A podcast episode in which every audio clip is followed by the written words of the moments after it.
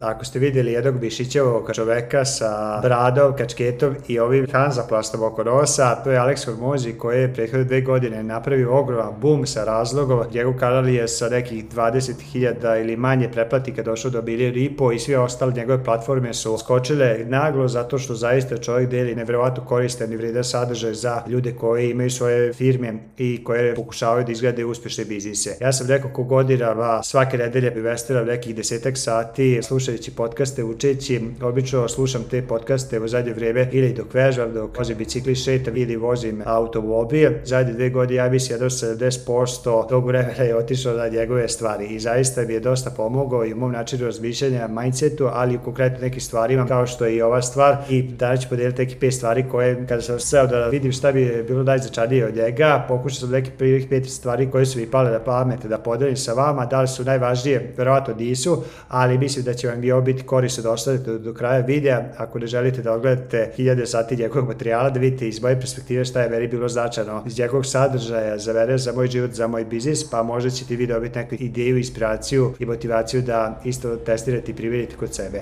Hajde da krijemo onda od prve stvari. A ovo što vidite ovde jeste kazapla za nos. Ja prvi put kada sam čuo za njega, pre neke dve godine, boje jedan mentora Craig Balanta, tad je radio intervju sa njim i obično Craig Balanter kada radi intervju, on pita uvek uvijek na kraju te svoje zagovornike, da li imaš neku osobu da me preporučiš, a za koju nikad nisam čuo, a misliš da bi trebalo da čujem. I u tom momentu on je rekao, postoji osoba koja se zove Alex Kormozi i da treba obratiti pažnju na njega i kažem u tom momentu pre dve godine skoro niko nije znao za njega sve iz te sfere teretara i fitnesa zato što je to bila njegova niša, posle se on proširio do razvoja biznisa i onda ja sam počeo njega da gledam prva stvar koja bi upala u oči jeste da je on nosio na svojim videima ovaj hanzaplast. I u prvi moment se obraćao pažnju na to dok nije snimio jedan video gde je objasnio da u suštini on ima problem sa disanim organima, konkretno imate neke devijacije i neka začepljenja u nosu, radio je neke operacije i u suštini ja isto imam taj izazov sa nosom. Neka čujete da pričam kroz nos, često mi se zapuši nos, ne znam zbog čega, nisam sam na razne preglede, nisam otkrio konkretno šta je u pitanju, ali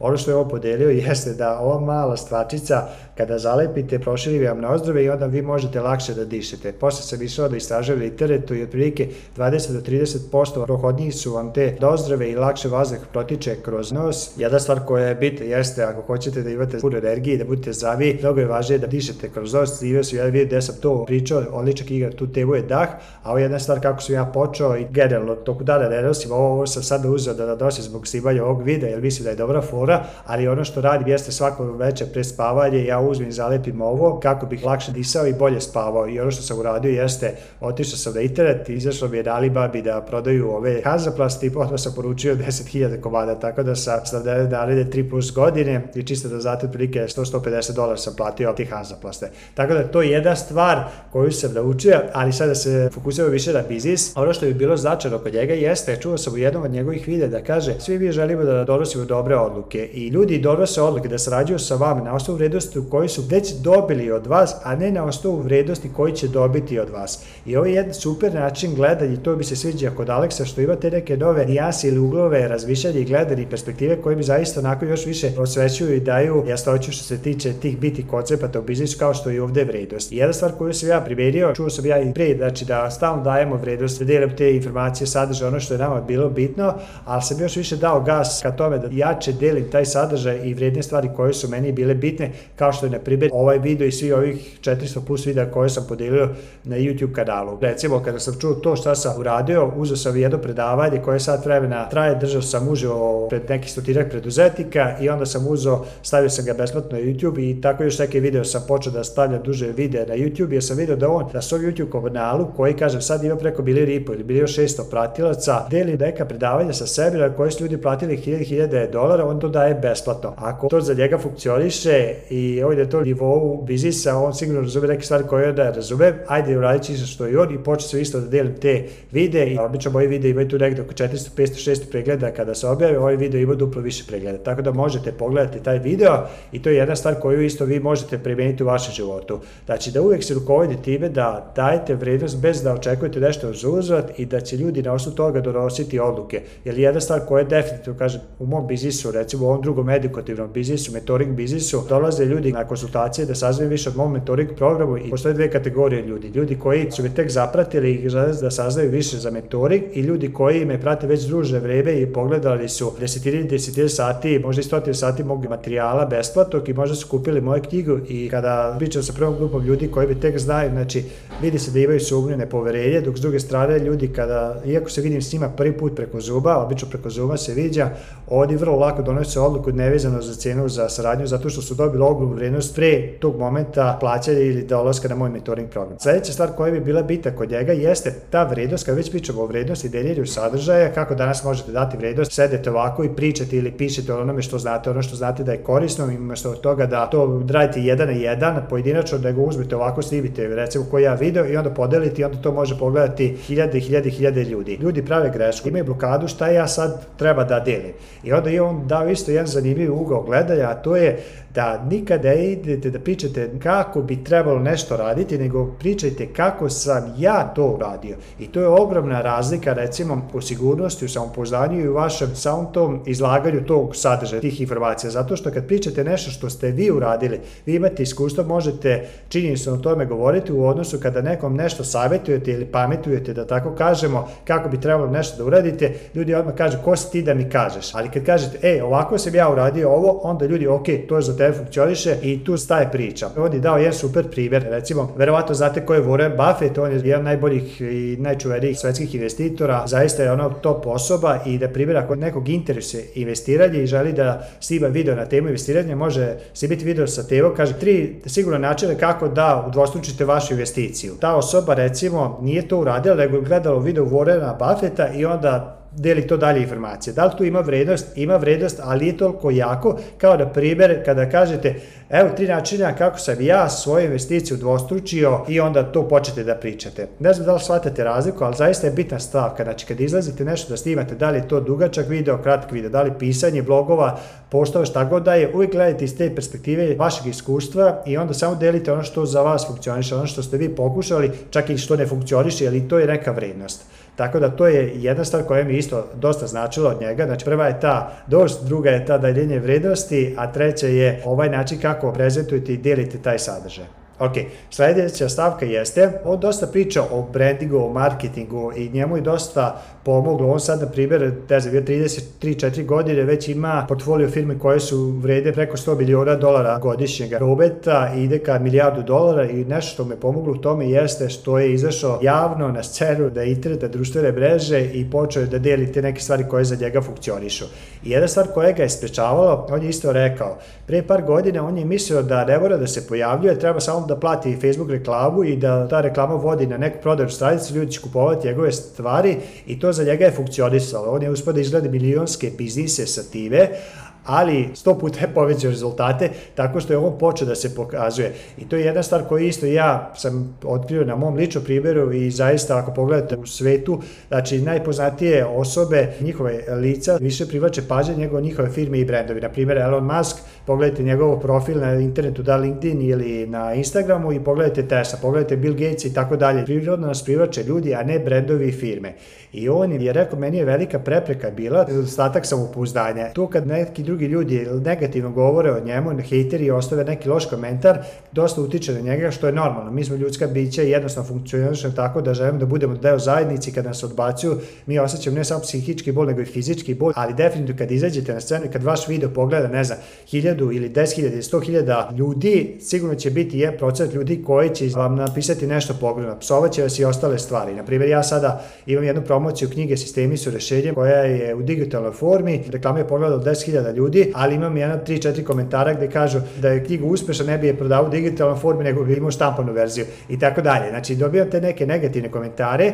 I on je rekao da njemu je isto to bio izazov dok nije razgovarao sa svojim mentorom, isto je jedan čuveni marketa Din Graciosi. Alex je pitao Dana kako se ti boriš sa tim negativnim komentarima. I on je njemu rekao, slušaj, ja se uopšte ne borim sa tim negativnim komentarima, nego gledam ono što zbog čega ja ovo radim. I ako je cena da ja dobijem par tih negativnih poruka od ljudi koje nikada neću vidjeti u životu, za taj uticaj i tu pozitivnu razliku koju pravim i taj doprinos sigurnosti i bogatstva kojeg stvaram za sebe, za svoju porodicu i ostalo, to je jedina je cena koju treba da platim, ja ću tu cenu plaćati svaki bogovetni dan. I to mi ne on predstavlja razliku da shvati, oho, zaista je to ono suština. Znači ja ovaj video snimam ne zato da bi ja punio svoj ego, da bi dobio lajkove, nego da bi možda jedna ideja, jedna knjiga, jedna informacija nekog značila promenila život, kao što je meni pre, ne znam, 20 godina, slučajno sam gledao neku emisiju i jedan čovjek je spomenuo jednu knjigu, ja tad nisam volao da čitam knjige, ta knjiga mi je preokrenula sve što se tiče čitanja knjiga, ja sam počeo da volim da čitam knjige, ali ta osoba da nije tada izašla izašla i da je rekla ok, ja ću izaći na TV